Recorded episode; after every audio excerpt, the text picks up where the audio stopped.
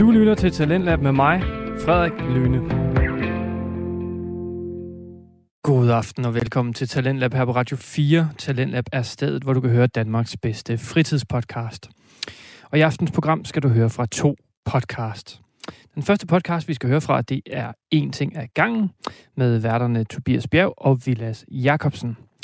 En, af ting er, en ting ad gangen er en øh, naturvidenskabelig podcast, hvor de to værter og kammerater, som begge arbejder på Science Museet i Aarhus, tager lytteren med ind i den komplekse og nørdede naturvidenskabelige verden, og prøver ligesom at formidle den til os lidt mere dødelige, som ikke er så nørdet omkring ja, naturvidenskab. I aften der skal vi høre et afsnit 4 af deres øh, miniserie fra universets dannelse til menneskets oprindelse, hvor de tager os med fra universets fødsel ved Big Bang hen til mennesket i dag. Og i aften der fokuserer de altså på de første liv, der blev til her på jorden. Og i aftens anden time til Talentlab, der skal vi høre to afsnit fra podcasten Tegnefilmsjørnet med ægte og værtsparet Kenneth og Pernille Glad, som dykker ned i de to Disney-film Bjørnebrødre og Oliver og Co. Men først skal vi høre en ting ad gangen, så smid alt du har i hænderne, lav en rigtig, rigtig god kop kaffe, slå dig ned i sofaen og lad dig underholde de næste to timer. Her kommer en ting ad gangen. Sidste gang, der nåede vi cirka til en McDonald's nord for Hobro. Og jeg kunne så forstå på dig, før vi snakkede om, øh, før vi startede her, at 8 km længere op, det faktisk var der, det første liv kom til. I hvert fald inden for de første 8 km, ja. Forrygende. Ja, så er det sådan lidt... Øh... Det er alligevel meget tæt på Hobro, ikke? Ja. Nå, men altså, jeg, jeg synes ikke, vi skal tale Hobro ned, men jeg mener bare, at det er jo, det er jo, i virkeligheden skal vi tale måske mere om Hobro. Det kan godt være. I hvert fald i vores målestok. Helt anden art. Ja, det er rigtigt. Nå, det kan være, at vi skulle forklare, hvad vi snakkede om. Jeg synes, jeg ved ikke, jeg Vil du, kunne vil, du, ikke- vil du ikke tage den? Jo, øhm, så det er fordi, vi er midtvejs i en miniserie, der hedder Fra universets dannelse til menneskets oprindelse.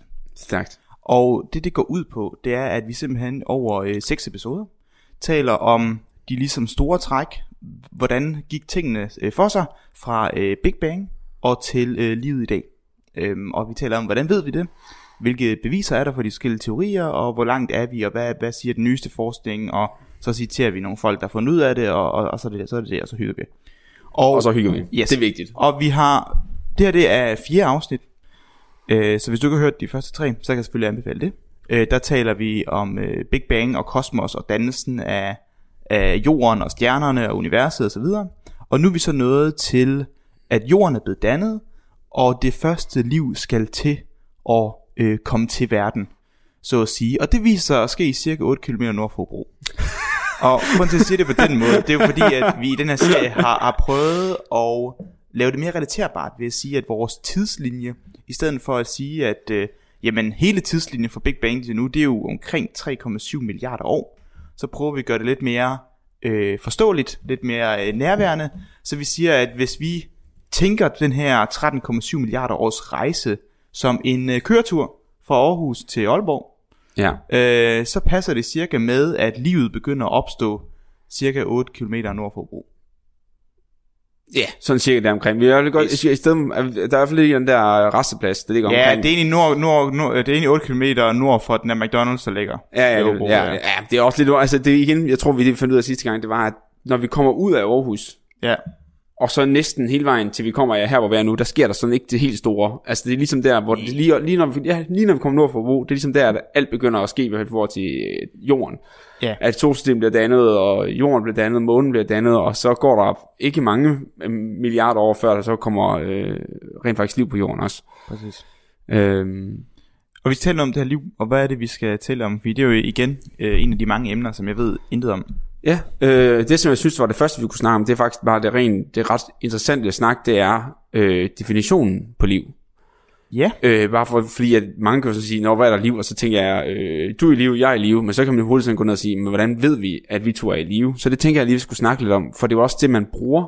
Også mange astronomer og fysikere, der godt vil undersøge, om der er liv på andre planeter. Det hvis du har en definition for, hvad liv er, og indikationer for, hvad det er, så er det også nemmere at finde ud af, hvilke øh, miljøer, hvilke klimaer skal der være, for at finde ud af, om der er liv. Og det er derfor, folk gerne vil undersøge. Hvis vi kan se vores start på liv på jorden, er det også nemmere at finde ud af, hvordan livet kunne starte på andre planeter Ja, ude i universet, eller eventuelt på nogle måneder i vores eget solsystem. det ved jeg, det er noget, vi har Øh, talt om før. Ja. Øhm, ja, super spændende.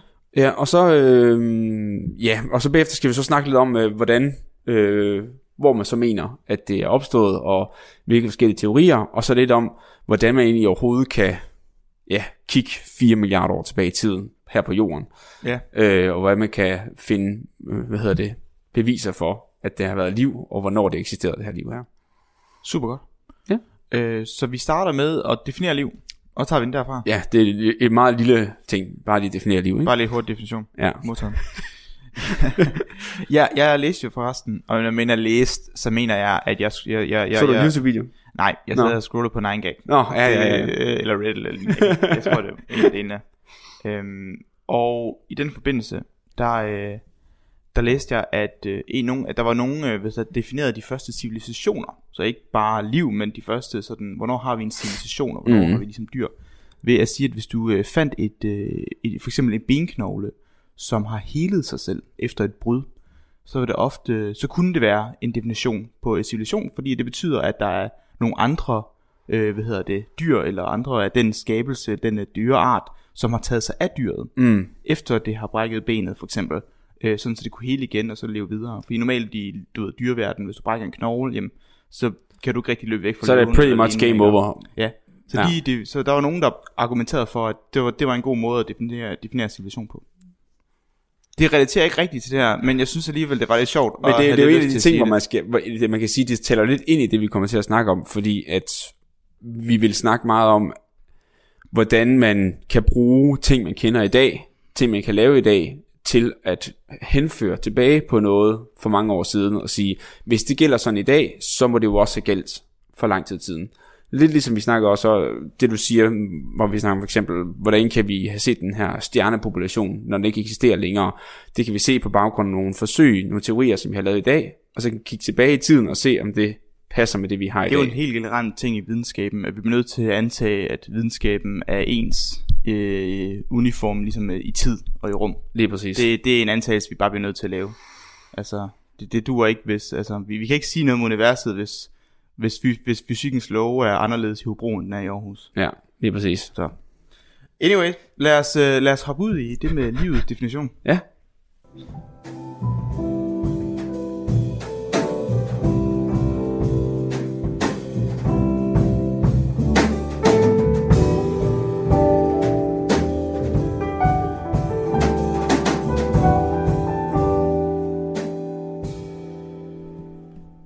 Livet, hvad er det? Hvad går du ud på? 14. Jamen, Vilas, nu skal du høre. Ja. Øh, jeg tænkte faktisk, at vi skulle quizle omkring det. Oh,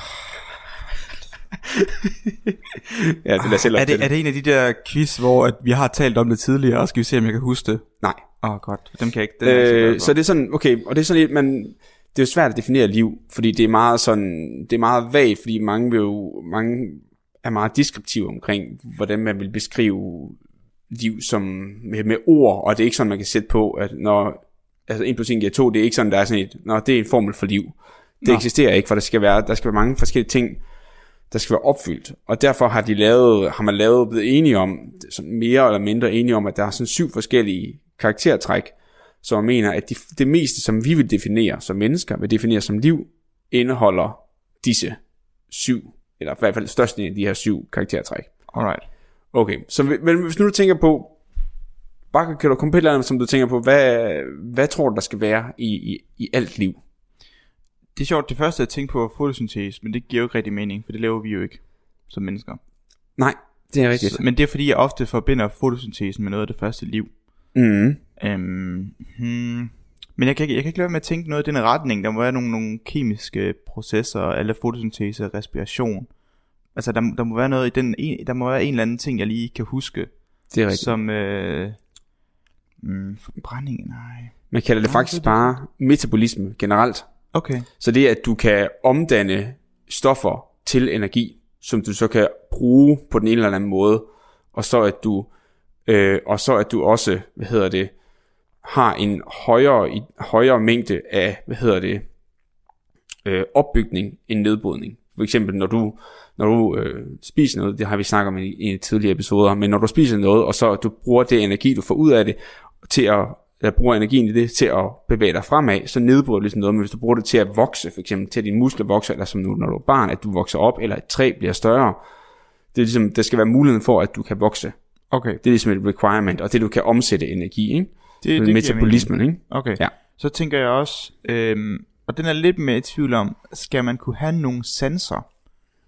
Altså skal man have en eller anden form for altså måde at registrere verden omkring sig på? Ja, fuldstændig. Det, jeg tror, man kalder det bare en, en øh, hvad hedder det, reaktion til stimuli. Ja, præcis. Om, Ja, om det så er en sans som vores næse eller øjne, det behøver det ikke. Det kan også bare være, at for eksempel enkecellede organisme, bakterier, som der kan reagere på... At de støder ind i noget. Ja, eller for eksempel når de er kommet ind i kroppen, så kan de ligesom bevæge sig hen til noget, de kan finde, og så kan de bevæge sig frem mod det og sådan noget. Og det kan vores enkelte celler også ind i kroppen, de kan også bevæge sig efter forskellige kemiske gradienter. Det er også en, et respons på en stimuli. Ja. Ja. Okay. 20 out of 20. Og der er 7. Ja. oh my god, jeg er allerede ved at løbe tør for ting. Oh, Jesus. Mm. Altså også, der er også nogle af dem, der sådan lidt går lidt over hinanden. Åh, vent, oh, øh, de skal vel kunne... Øh, oh ja, de skal vel kunne reproducere sig selv. Yes, reproduktion. Fuldstændig. Ja. Okay, den, den, den, er, det giver også god mening. Ja. Okay. Øh, Og det kan jo både være aseksuel og seksuel re- reproduktion. Ja, der, der, der, det, det skiller vi ikke mellem. Nej, nej, det er rigtigt. Der er vi, der er vi i min åben podcast. Ja, vi er en åben podcast, der er plads til aseksuel og seksuel reproduktion. Ja, præcis. okay, øh, jeg kan faktisk ikke lige komme på flere. Er der andre, der er sådan oplagte, som jeg har misset? okay, så jeg tror måske, man kan måske godt sige, at det der med metabolisme og, og vækst, som vi havde inde, det er faktisk to forskellige, kan man sige. Så Nå. vi havde reproduktion, så havde vi øh, sanserne, det var to, øh, metabolisme og vækst, det var fire. Ah, Og så har vi noget som bare generelt, at en homeostase, at det... der skal være en form for balance mellem, altså man kan, så man kan holde sig i, altså, og det hænger lidt sammen med det der stimuli før, at du kan formå at holde dig selv i balance med naturen, når den ændrer sig omkring dig. Så for eksempel, at øh, et træ smider bladene og sådan nogle ting, og ser om vinteren og får blade Ah. og vækster, og, og Okay, vi, så- så og vi du- kan svede for at reducere vores yes. temperatur. Så du mener, at den skal have evnen til at adaptere sig til sine omgivelser? Det er jo Ja, det, sådan meget, meget sådan på et mikroplan. ja. Man kan, fordi adaption er meget, nemlig meget også- små adaptationer. Ja, så en adaptation er også en større, så man som helhed kan adaptere sådan, altså evolution. Ah, Ja, er altså- det også et krav? Det er også et krav, nemlig. Ah, okay. For at, at liv, at man, at man ikke bare, at man kan ligesom, Ja, så, så, så en, en af dem er evnen til at opretholde balance øh, i, det, i, den, i det miljø, du er i. ja, Right. Okay. Og så øh, og, så, og- så var der en, der hed evnen til at kunne mutere, I guess, eller Ja. ja. undergå evolutions... ja, så det er så man kan, Trin. hvis nu at ja, livet, livet om tusind år er anderledes, så skal man være klar til at kunne ændre sig i forhold til det. Og så den sidste, var det ikke seks? Jo, det tror jeg. Jo. Og så den sidste, det er egentlig bare, at man skal kunne, at man er organiseret på en eller anden måde. At det hele ligesom er organiseret, om det så er Organiseret? inden for en, inden for en celleramme, eller om det er multicellulært inden for en anden form for øh, Shit. Organis organi altså, være organiseret er simpelthen krav. Så udfylder jeg altså kun 27. Satans. Øh, ja, så en eller flere celler. Øhm, Okay.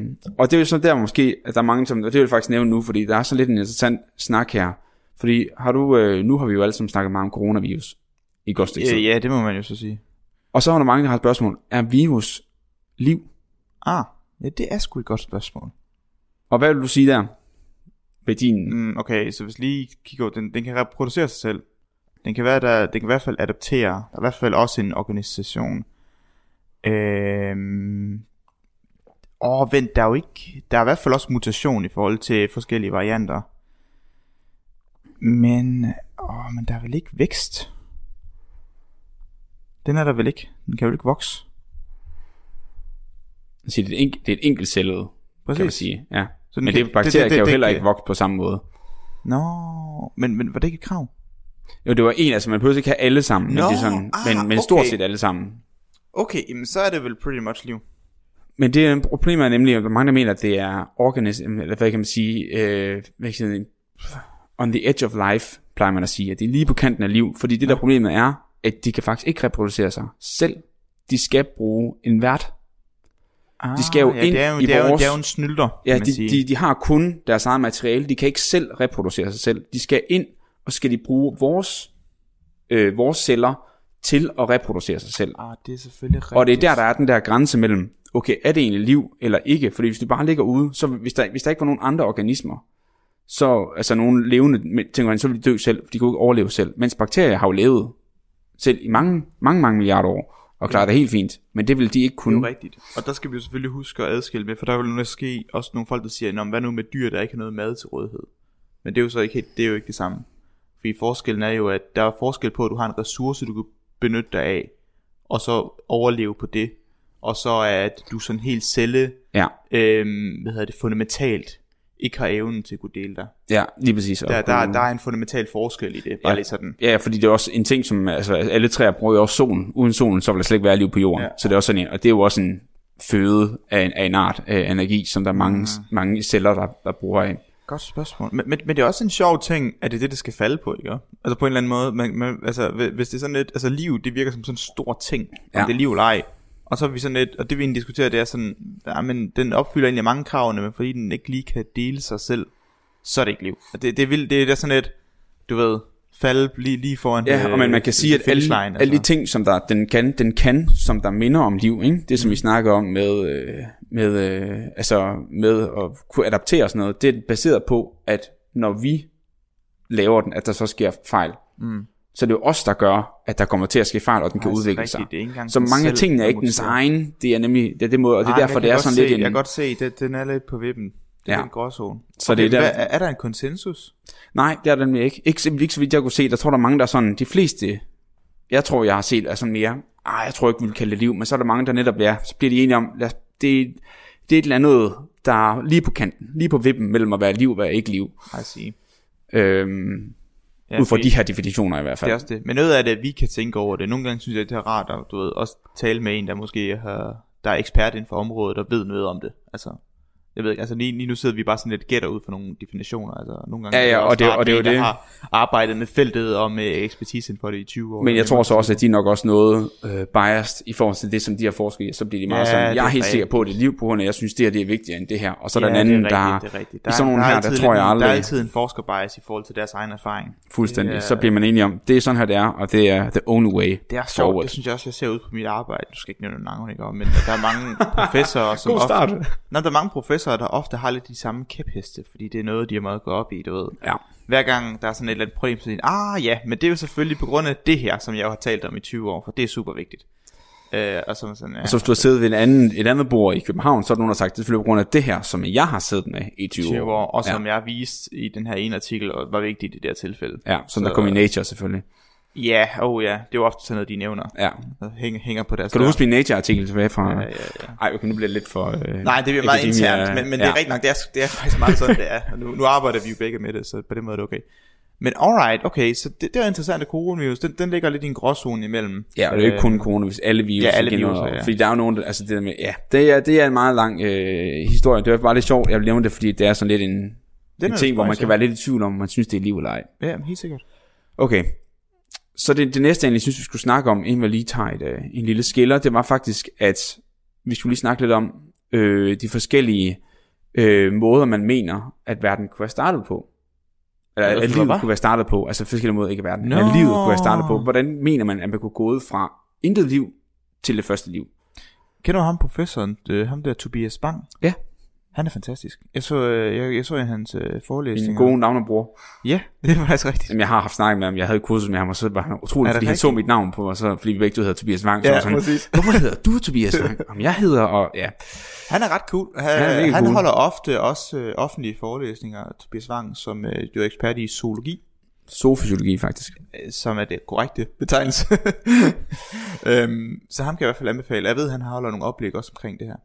Ja, hvad hedder det? Hvad, hvad hedder det der Aarhus Universitet? De har det der... Øh, Øh, Folkeuniversitetet, yes. ja, som ofte holder offentlige foredrag. De holder faktisk rigtig mange gode. Det gør de. Øh, men jeg ved, at tu, Tobias Wang er en, øh, en tilbagevendende karakter. Det. Så det er i hvert fald værd at tjekke ham ud. Anyways, sorry. Fortsæt.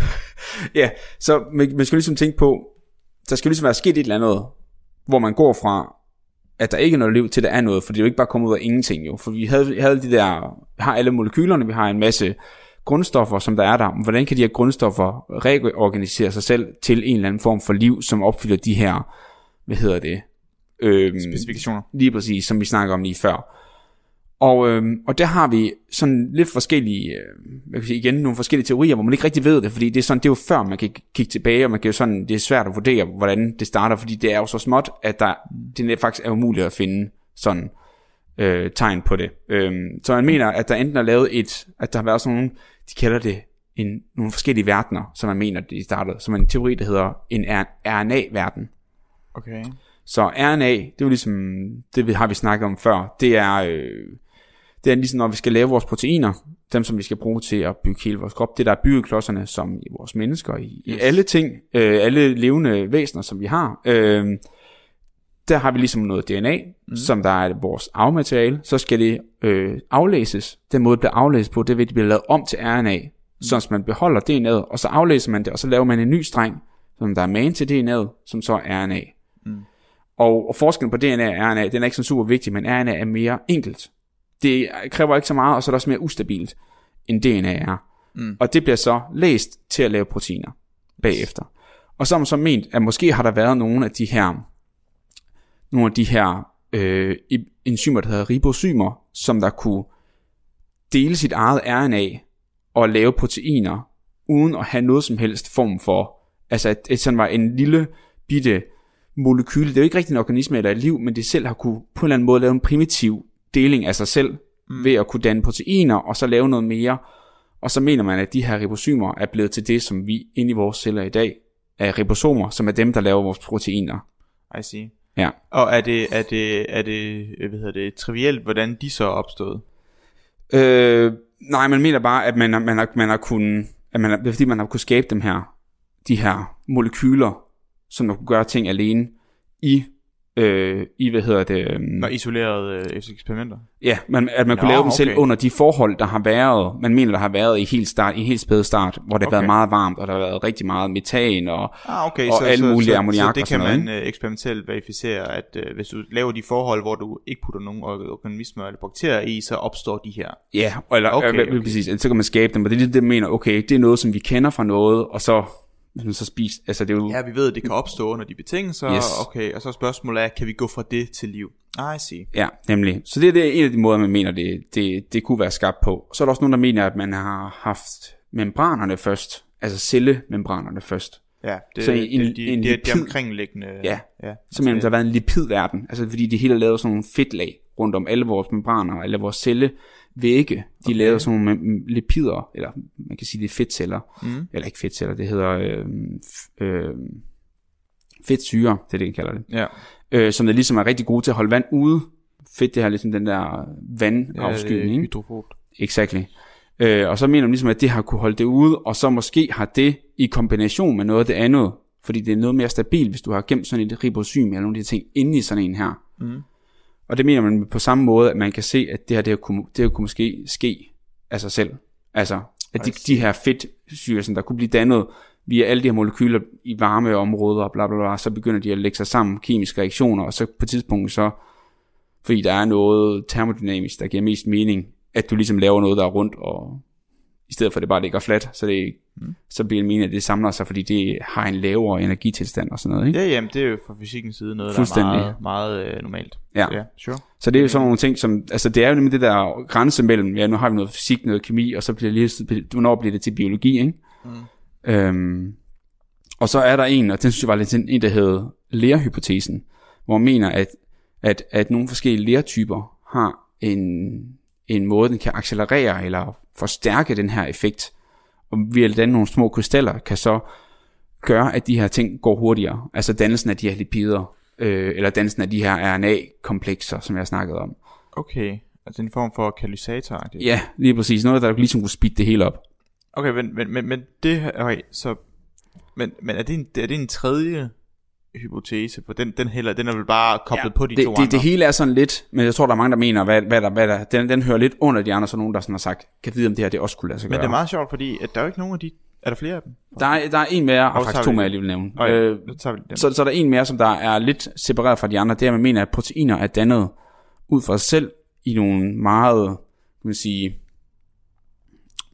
øh, fordelagtige, øh, et fordelagtigt miljø, ved at man kan danne proteiner ud fra sådan nogle inorganiske molekyler fra carbon monoxid, altså øh, hvad hedder det, kulstof og et ja. enkelt ilt, øh, og sådan nogle hydrogensulfat og sådan noget. Det kunne så, det kunne så hjælpe at via nogle, mange af de ting, der kommer fra den indre, øh, inden fra jordens kerne, Der er de her, hvad kan man sige, det er nogle undersøgelske kilder, hvor der kommer en masse ting op inden fra, øh, inden fra jordens øh, kerne, Ja. og det er alle mulige, øh, alle mulige øh, molekyler og mineraler, såsom jernsulfat og nikkelsulfat. Mm. Så ved at man får den øh, kommer op inden for jorden, og man har et rigtig højt tryk hernede på bunden af havet, hvor de her ja. kilder de kommer op, Ja, ja, ja. og så at man har en høj temperatur, på grund af, at vi har den temperatur på jorden, som vi har, omkring 100 grader, så mener man faktisk, ja, i, i laboratoriet har man kunne danne nogle proteiner spontant ud fra det her. Men det har man kunne. Ja.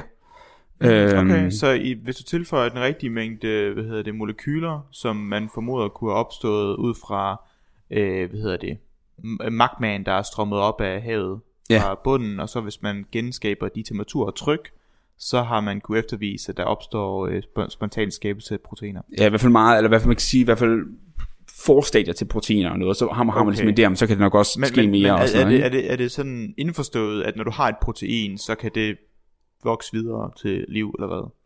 Nej, ikke nødvendigvis, men det er mere okay. den der idé af, at okay, her har vi et første tegn, altså man er jo ikke så langt i det her, det er stadig Nej. noget, der bliver under, okay, her er et tegn på, at der kunne være skabt noget spontant, ud, uden at der har været noget liv før. Det er, man, der er nødt til at starte noget, mm. Ja, ja, og så, ja. altså, så kan det være, at der er nogen, der kan gå sammen i nogle komplekser, og så kan de danne et, og så er det jo ligesom der, hvor man sådan, I see, I see. Det bliver lidt mere handwave i den Ja. næste del. Okay, og så var der en mere. den aller sidste, og det er den, jeg synes, der er sådan lidt, lidt den mest sjove, Griner. det er, at den hedder panspermi. Hvad? Panspermi. Panspermi? Panspermi. Panspermia, tror jeg, den hedder Nå, engelsk. det er altså siderelateret. Ja, det er faktisk analyseret af, at der er kommet, ja, på en måde, man kan sige, pan, det er ligesom jorden, ikke? Ja. Og så spermi, det er ligesom sæd, og så mener man, Når det er livet sæd. kommer ud fra jorden. Exactly. Så man Ja, mener, ja. at der er en eller anden form for, så den fortæller ikke noget om, hvordan det er opstået, men man mener, at der er tre muligheder, ikke? En- Enten er der et eller andet sted, meteornedslag, der fra et, fra et andet sted i vores solsystem, der, hvor der har været nogle mikroorganismer, eller også er det kommet ud fra vores solsystem, eller længere væk fra, eller også så er der nogle aliens, der har været på jorden, og så lige tjekket, og så lige efterladt nogle mikroorganismer, så er de skrevet igen. Det er sgu dovent. Øh, så, okay, men det, er jo, øh, men det er jo en af de der hypoteser, der siger, okay, hvis vi ikke kan forklare, hvordan livet er opstået på jorden i forhold til de miljøer, der har været, Ja, ja. så hvis vi kigger på de her forskellige environments, hvor der har været så og så varmt, så og så koldt med de her de øh, kemiske materialer, og vi ikke kan forklare ud fra det, så er det nok kommet fra et andet sted fra, hvor Aliens. at miljøet har været anderledes. Aliens. Ja, alright. Men jeg synes bare, jeg vil tage det med, fordi det er sådan, det er sådan Den en helt, meget- helt seriøs liste, den er og så, meget- og så skriver ja, det helt den savligt. Øh, så kunne det jo være aliens udefra, der har lagt Den dem. er meget. Men man kan selvfølgelig sige, at rent naturvidenskabsmæssigt, så giver den forklaring, for det første er den usandsynlig, og for det andet, så øh, fremmer den ikke videnskaben på nogen måde. Nej, Jeg man lærer ikke rigtig mere er jo- ved det, kan vi man kan Jo, sige. vi kan jo ikke komme videre ud fra det. Ej, det er jo ligesom en måde at give op på. Så, sådan, Det er "Nå, jo- så lukker vi det kapitel. Den er Ja, af. det, er- Bum. det er sådan lidt, hvis man ikke gider mere, og hellere vil lave noget andet. Ja. Så, så siger man bare, at det var aliens, og så søger man nyt arbejde. Ja. Okay, men i hvert fald de første var interessante. Du lytter til Radio 4. Vi er i gang med første time af Talentlab her på Radio 4, og vi er lige nu i gang med at høre den naturvidenskabelige podcast En ting ad gangen med værterne Tobias Bjerg og Vilas Jakobsen, som i aften præsenterer os til fjerde afsnit i deres miniserie fra universets dannelse til menneskets oprindelse. Og vi skal altså fortsat nu høre om beviserne for det første liv her på jorden, så lad os da bare vende tilbage til podcasten. Det, der, det jeg hæfter mig ved, det var der jo ikke faktisk nogen af dem, der udelukker den anden. Nej, udover. Ja, heller, Var det heller, heller ikke den sidste. Okay, okay heller ikke Men det gør de faktisk heller ikke, for det kunne jo godt være kommet udefra, og det kunne være... Ja, det er måske For at være ærlig, også det, det, den sidste har jeg allerede disregarded, Ja, okay. øh, synes jeg. Ja, men jamen, der er mange af dem, som der, altså, der er jo beviser for det hele, og, og man nogensinde finde ud af, hvor det er startet, eller om det er startet flere forskellige steder, eller Ja, om det er også det. Øh, men åh, den er også tricky, fordi har vi noget udsagn? Nej, hmm. Jeg så tænkt på, om vi har nogle idéer om, hvor øh, lokalisationsmæssigt livet er opstået på jorden.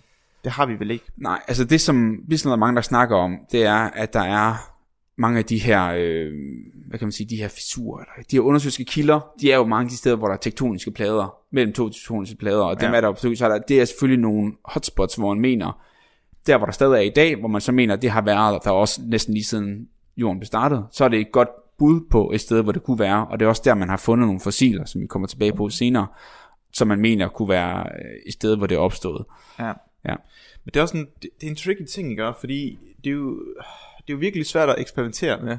Fordi at selv hvis du, lad, lad os sige, at du gætter rigtigt, eller ikke gætter rigtigt, lad os sige, at du finder den rigtige metode til Ja. at danne sig liv og så videre, så det viser, du ved det ikke selv, Men det er fordi en forklaring med, øh, med med proteinerne. Ja. Det, det var sådan, det skete. Så kan du skabe de eksakt samme miljøer, right? Men selv under de ideelle forhold, svarende til de forhold, der var på jorden, så ville det stadigvæk tage næsten en milliard år, for det skete. Ja, fuldstændig. fordi, du ved, statistik. Øhm, så det er jo næsten umuligt at eftervise. Hvad mindre du kan, øhm, hvis du kender processen, og du kan opspeed processen Ja. på en eller anden måde. Hvis, hvis det nu, hvis det nu, øh, hvis nu, nu processen, den, øh, den, den, den, den øh, chancen for liv stiger direkte med temperatur, så kan du bare skrue temperaturen højere op på, hvad det egentlig var. Ja. Og så fremprovokere noget, ikke? Men altså, ellers er det sgu svært. Ja, det er nemlig sådan nogle af de ting, og en af de, en af de store problemer, man også har, det er jo, at det er også svært at undersøge noget, fordi det gode, når man skal kigge bagud i universet, det er, at man kigger ud på noget, man ikke selv forstyrrer. Her er vi ligesom i gang med at forstyrre vores egne beviser Ja, hele tiden, for vi træder ovenpå konstant vores vores øh, forfædre, basically, ikke? ja. Og Det- deres det- forfædre og forfædre, så det bliver sværere og sværere, og man, det er derfor, man skal virkelig, virkelig langt ud og finde nogle sten og ting og sager, som der ikke er blevet berørt af nogen endnu, fordi at, Ja, det er jo ofte Ja. sådan nogle undervandsting, kan jeg gætte på sådan noget havbunds. ja, det er jo nemlig det, som, hvor der Materiale. ikke har været så mange, men altså, der vil sikkert være et sted i Danmark, hvor der var et perfekt, kunne sagtens være, der var et perfekt øh, bevis for noget, men det er bare blevet fuldstændig, fordi vi bare har Ja, over, der er ikke et eneste sted på, ja, der er ikke et eneste sted i Danmark, der ikke er, er berørt nærmest. Ja, true. Enten af veje, men også, du ved, bare af marker og, hvad hedder det, farm, farm Fuldstændig. Life. Altså, ja, det er rigtigt. Hmm. Interessant. Så hvor efterlader det os? Øhm, er det nogle af de her definitioner, er det noget, man, sådan, man, man kigger efter bevis på, eller er det bare ligesom øh, der, hvor vi er indtil videre, og så prøver vi at gå videre til nogle af de faktisk konkrete beviser, vi har? Ja, men jeg, tror, jeg tænker, det er bedre at komme ind til nogle af de der beviser, og fordi nogle af de beviser taler nemlig ind til en, som jeg sådan person ud fra har læst nogle af de ting, jeg sådan fø- føler, det giver mest mening, i hvert fald når vi snakker det tidlige liv. Okay. Øhm, og det nu er jeg på ingen måde ekspert, men hvad jeg sådan kunne læse op på de her mange, mange statements, der kommer, så er det den, jeg synes, der giver mest mening, og det synes jeg, vi kan komme ind på, de her forskellige øh, beviser, de har for det. Right, det gør vi så.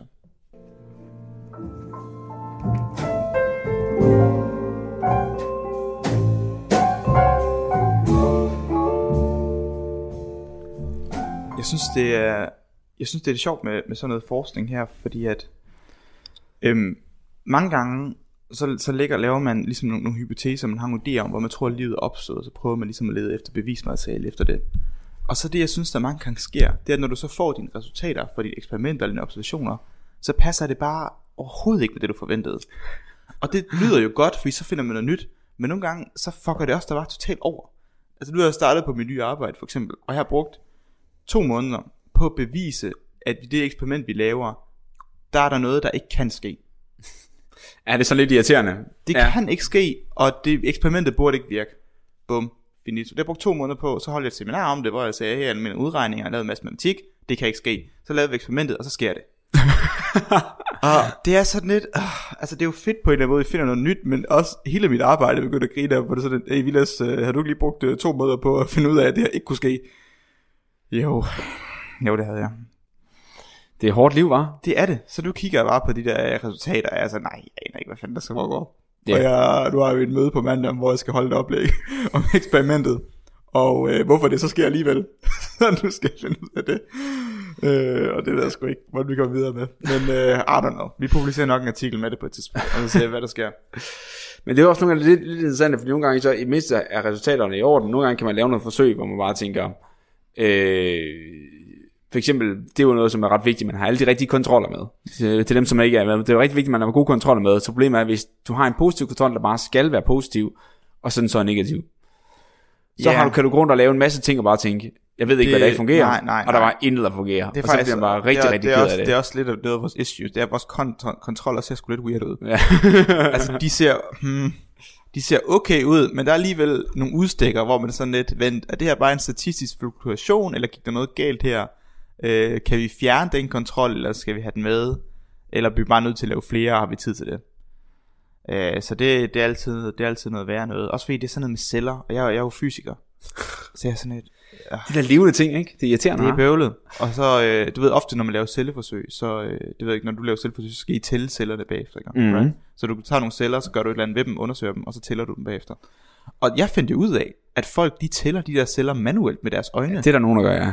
Gør I det? Nej, Det tænkte jeg også, det var fuldkommen sindssygt. det gider det ikke. Nej, så hele, hele onsdag og tirsdag, der skrev jeg et program, der kunne tælle det for mig i stedet for. Og det virker fint. Og nu skal jeg så overbevise øh, alle de folk, der er vant til at tælle dem med øjnene, at de skal bruge mit program i stedet for. Det ved jeg ikke, hvordan det kommer til at gå. Men, men jeg var sådan, når man som fysiker ser sådan, men skal jeg gøre noget manuelt? Det er fuldkommen sindssygt. Så jeg vil hellere bruge en hel uge på at programmere noget automatisk, end at bruge en dag på at tælle det. Ja. Vi har en maskine, der tæller. Ja, det er Ja. ja. smart. og dyrt. og dyrt, ja. Ja, men det er jo så de specifikke celler. Det er det så cellekolonier. Ah, Så not exactly the same. Ja, det var også lidt en... Øh, Det var en sejstikker. Nu må jeg håbe, at der, der sidder nogle øh, mennesker derude og tænker, nu har de snakket om tre minutter om noget ekstremt kedeligt, som jeg ikke fatter noget som helst om. Og øh, Ja. øh, det er vi ked af. Vi håber, I stadig er med. Ja, beklager. Også fordi vi, vi sælger om pausen, okay, det kunne være, vi skulle tale om noget sjovt og noget andet, for at lige komme væk fra hovedemnet. Din kaffe, den er faktisk rigtig god. Ja, jeg. tak. Ja, det failede så brutalt. Anyways, så vi øhm, nåede til... Hold nu op. jeg kan ikke ramme, jeg kan, jeg kan ikke altid ramme, hvad hedder det, øh, plet på alle ting, vi laver. Nej, det kan man ikke. Øhm, Så hvis I har problemer med det her, så skriv til øh, Villas på Facebook øh, direkte. Øh, Hej Villas, det var dårligt. det var dårligt, ja. ja det må jeg Hilsen meget gerne. Kirsten. Ja, gør det. Givet, givet, givet man hedder Kirsten selvfølgelig. Eller hvis du bare har lyst til at sige, Sig hej. Sige, sige hej, ja. Nå, vi er nået til at tale om noget af de bevismateriale for det første liv, right? Ja. Så øh, nu, tal, du nævnte det der med, at meget af det var materiale, eller de beviser, vi har, er måske blevet ødelagt gennem tiden, i det, at jo, mennesket har farmet en, og kultiveret en del af landet, og bygget en masse ting ovenpå, så noget af det her oprindelige, nærmest øh, quote-unquote arvemateriale fra, fra fortiden er lidt gået tabt. Så hvil- hvil- hvilket, hvilke sådan sten eller fund har man så lavet, der kan give noget indblik i, hvornår livet så opstået tidsmæssigt? Ja, så det man har fokuseret på, det er selvfølgelig, at man har en god... Der er to måder, man har gjort det på. Den første, det er, den, at det er f- kigge efter fossiler. Mm. Øh, for man har jo det, at man har længere kigget efter fossiler, om det så har været for større dyr, øh, dinosaurer og så videre, eller andre øh, dyr, mammutter og sådan ting. Altså, der kan man finde fossiler af dem, fordi de er blevet begravet, og så er der nogle gode, altså de netop ikke er blevet betrådt, de har ligget et eller andet, lad os sige, øh, sted væk øh, fra en masse civilisation, mm. og så ligesom kunne overleve øh, rigtig fint, de her fossiler. Og så kunne finde dem, og kunne man så ud fra de her fossiler, så kigge på dem. Så man så fundet ud af, at der er også nogle, nogle, nogle kan man sige, noget der hedder mikrofossiler, som man også kigger efter, altså meget, meget små fossiler, Ja. som man kun kan kigge efter i mikroskoper, fordi også selvom det er småt, bliver det stadigvæk fossileret. Gud, det er umuligt at finde. Ja, det er nemlig umuligt at finde, men det der så sker, det er, at nogle af de her små bakterier, som man, man mener, at det der, altså alt det første liv har været encellet.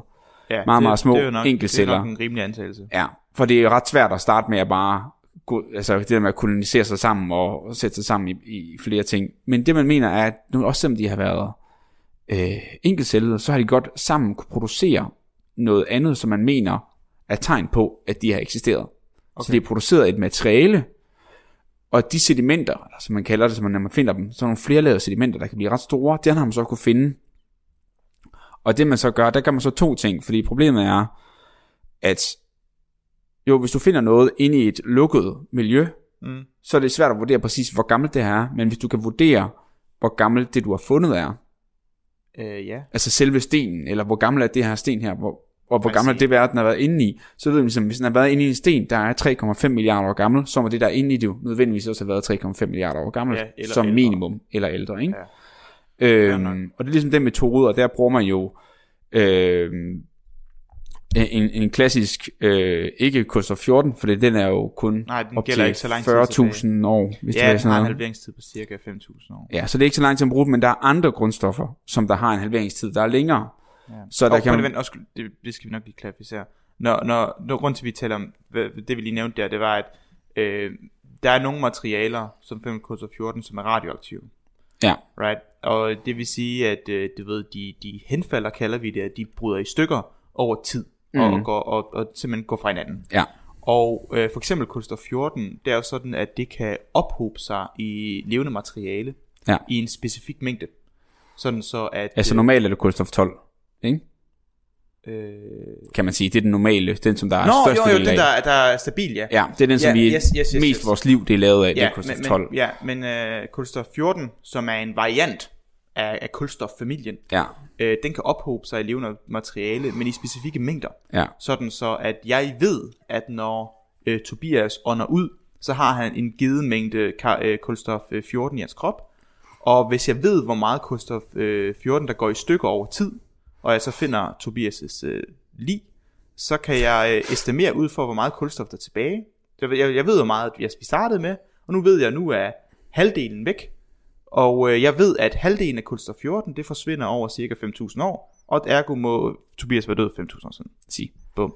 Præcis. Og, øh, men, men det er jo så klart, at hvis, hvis, hvis du finder noget, der er meget, meget gammelt, hvor at der er så lidt kulstof 14 tilbage, øh, så bliver det virkelig svært at vurdere, hvad der egentlig skete. Fordi Ja. næsten alt af det er væk alligevel.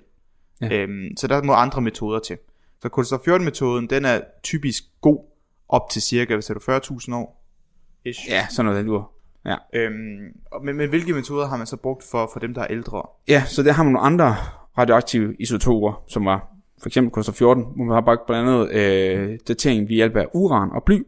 Ja, så bare lige for at være clear, så nu leder vi efter nogle materialer, som tager endnu længere tid om at gå Exactly. i stykker. Ja, Sådan, så der er noget tilbage, vi kan måle på, og så regne ud, hvor meget, øh, hvor lang tid skulle der være gået, for at vi er nået til den her mængde Ja. af det her og stof. det, man kan sige, des længere tid halveringstiden er, des sværere bliver det også at estimere det meget præcist. Men du Ja. kan så gå længere tid tilbage i tiden. Ja, Øh, så for eksempel, så kan man bruge øh, uran og bly til, øh, til, hvad hedder det, og det er så uran 235 og bly 207, Mm. Ja. blandt andet. Øh, og det er jo ikke super vigtigt, hvad, hvad, det, hvad præcis det er for nogen, men det kan man Det er datere til omkring 1 million år, og så hele vejen tilbage til 4,5 milliarder år.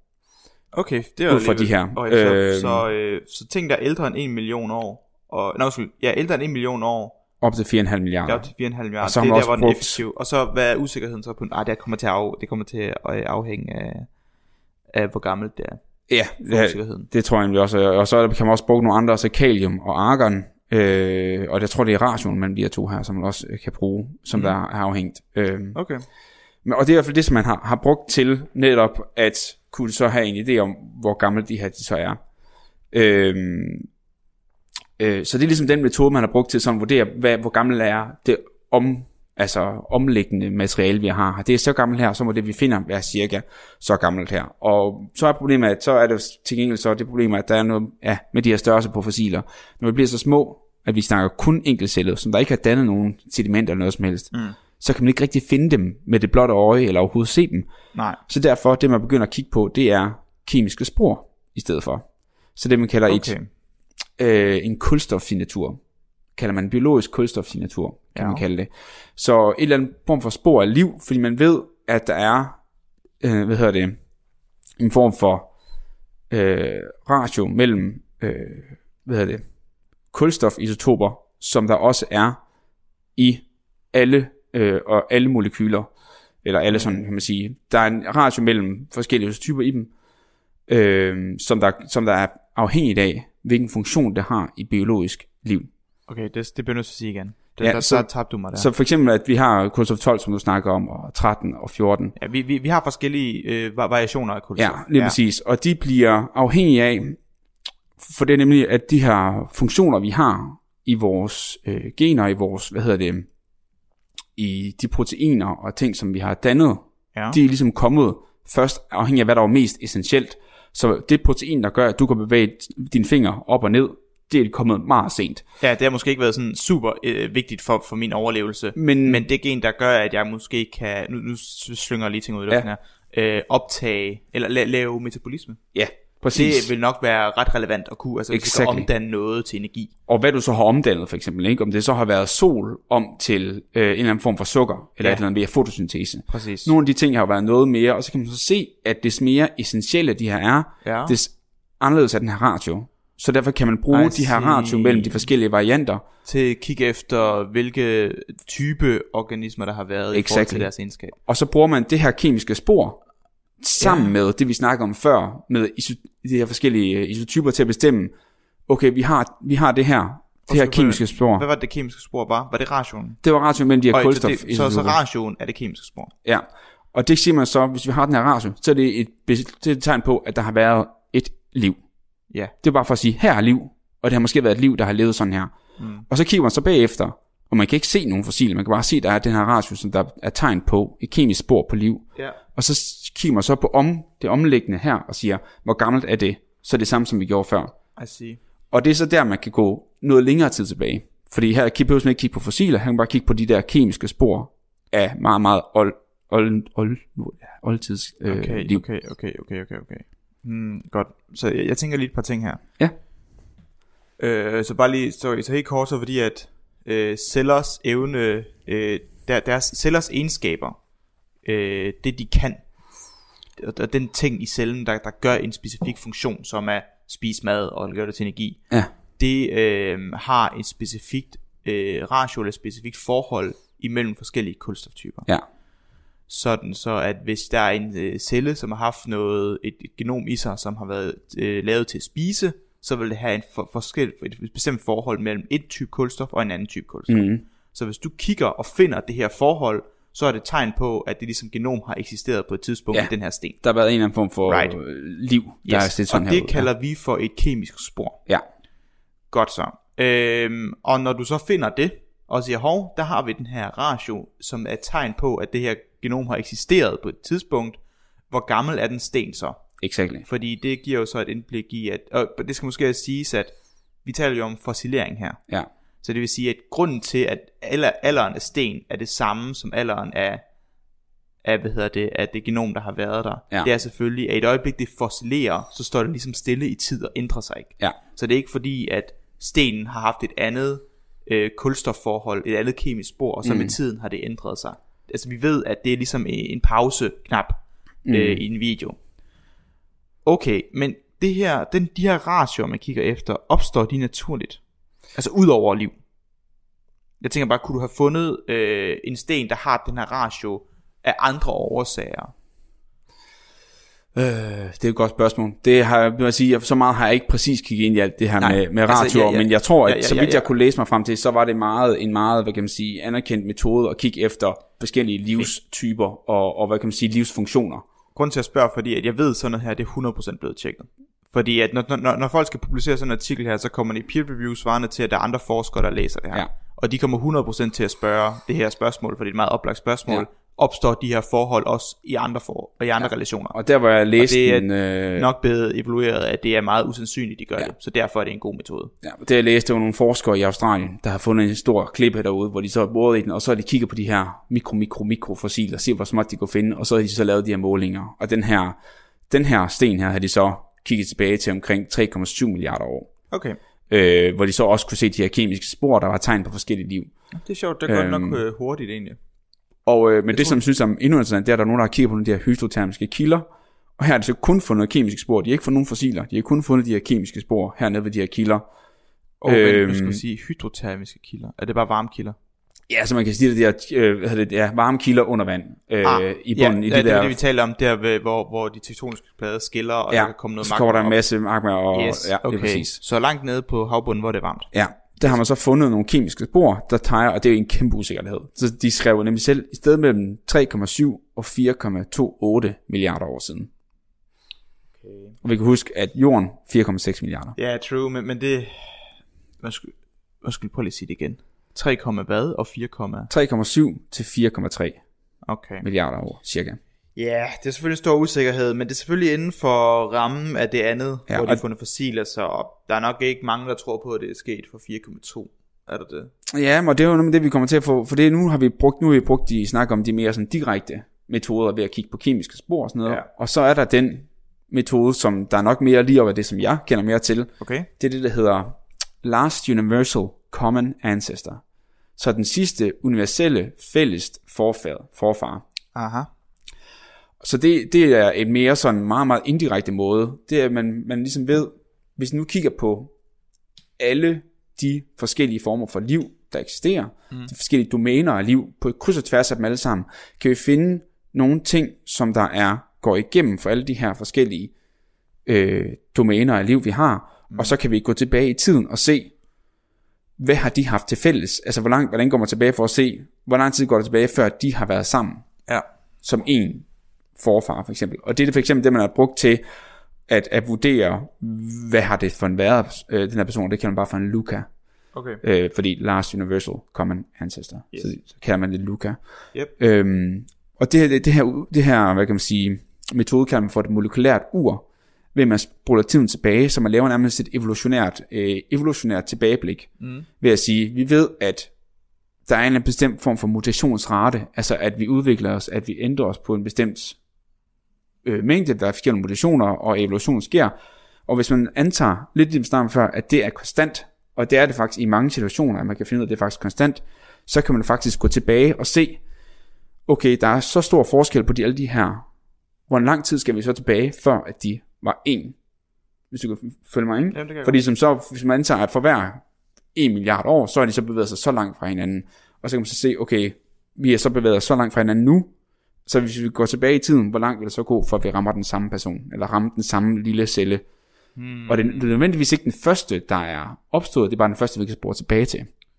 Interessant. Så man... øh, Hmm. Okay. Så man kan sige, det man, det man har kigget på med de her gener her, det er, at man for eksempel har fundet, at det, der, det der er til fælles, som det eneste i de her gener fra de her tre domæner, øh, det skal vi sige, der er tre domæner af liv, men det, kom, det kommer vi tilbage til senere. Der, er- man mener, der er tre domæner af liv, som man deler alt liv op på jorden om. Okay. og dem kommer ind på lidt senere. Men de her tre domæner, dem mener man, at øh, de gener, man kan finde, der er fælles for dem alle sammen, som de har haft alle sammen tilbage, når man går tilbage, det er, at de skulle have nogle gener, der gør, at de kan overleve varme steder, Mm. at de overlever uden ilt, altså de er anaerobe, de bruger Ja. ikke ilt til at overleve, Mm. og så er de får for en energi for nogle kemiske gradienter.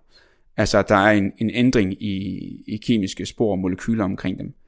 Og det er det, man netop har ved de her hydrotermiske kilder. Så derfor, når man kigger på de her gener her, på de her modeller her, så giver det rigtig god mening, at det var nede ved de her termiske kilder nede på bunden af havet, Ja. at det startede. Fordi det er ligesom der, hvor vi har de her gener, og de hænger sammen med det, som vi ser her. Øhm, giver det mening? Øh, ja, det synes jeg. Ja, for det man så gør for at spole tiden tilbage, der tager man så noget som et gen, som alle har, Mm. og som er ekstremt vigtigt. Så for eksempel, det kan være øh, nogle af de her ting, som før, metabolisme, fotosyntese, det kan være noget endnu mere essentielt, som alle, øh, alt liv har, ikke? Hvis der er et eller andet gen, de, de mest, hvad kan man sige, velbevarede gener, som alle har, det er også dem, der muterer aller, aller, aller mindst. Ja, For det er ligesom så vigtigt, at vi har det, for ellers så virker liv ikke. klart. Øh, og dermed, det er ligesom så halveringstiden også langsommere, hvis du kan forestille dig, ligesom vi På, snakker med... på, i- på, på mutationen. Ja, lige præcis. I forhold til ting, som der ting, som er, er vores hudfarve eller hårfarve, der kan ske mange ting, fordi det er ikke essentielt for vores liv. Ja. Men de der er, de er meget, meget, så for eksempel, det gen i mig og dig, de er nok fuldstændig ens. Mens at mellem mig og en bakterie, er der en lille forskel. Okay, så prøv lige, bare lige for, jeg, jeg tror, jeg er på, på, jeg tror, jeg fornemmer, hvor du er på vej hen. Ja, Så basically siger du, at ved at kigge på det mest essentielle gen, ja. og se på, hvordan det har muteret sig gennem tiden, Mm. så kan du basically fit en kurve til det, og så ekstrapolere tilbage, hvornår var den sin simpleste version af sig selv. Ja. Det lyder fuldkommen insane. Mm. Altså det... Åh, det ved jeg sgu ikke, hvordan jeg har det med. øh, er det her, er det her veletableret? Ja. Du lytter til Radio 4. Du lytter til Talentlab her på Radio 4, og jeg prøvede altså lige ind her i uh, Tobias' og Villas' snak, da vi snart skal til nyhederne her på Radio 4. Og vi er i gang med at høre den naturvidenskabelige podcast En ting ad gangen med værterne Tobias Bjerg og Vilas Jakobsen, som i aften er i gang med deres fjerde afsnit i deres miniserie fra universets dannelse til menneskets oprindelse, hvor fokuset er det første liv her på jorden.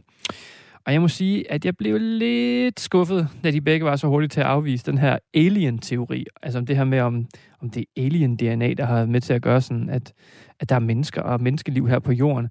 Og jeg ved godt, det er jo, det, altså, det er jo fuldstændig vanvittigt, at vi mennesker, vi bliver til her på jorden. Og indtil videre, så er vi jo ja, de eneste i, i hele universet. Øhm, vi er altså helt unikke. Eller er vi? Fordi lige så utroligt det er, at vi blev til i første omgang, lige så utroligt er det vel, at, at rumvæsener eller DNA for rumvæsener kunne være, kunne være til grund for vores oprindelse? Eller, eller, eller er det bare mig, der tænker, at altså, det er utroligt nok i sig selv, at vi blev til, men altså, årsagen bag kan da være lige så utrolig, ikke? Jeg lærer i hvert fald, altså, efter at have hørt det her afsnit, at der er nærmest intet, der er umuligt. Og når noget så usandsynligt som, som det første her liv på, på jorden kan opstå, så tænker jeg også godt, at øh, oprindelsesgrunden kan være, kan være endnu mere øh, utrolig, men altså, de to værter har jo nok mere forstand på det, og nok mere ret, så jeg tror også bare, jeg pakker mig. Men vi skal til at runde af her på første time, så den er på Radio 4, og vi er stærkt tilbage i time 2, hvor vi skal høre resten af miniserieafsnittet fra podcasten En ting ad gangen med Tobias Bjerg og Vilas Jacobsen. Og så skal vi også høre hele to afsnit fra filmpodcasten Tegnefilmsjørnet med ægteparet Kenneth og Pernille Glad.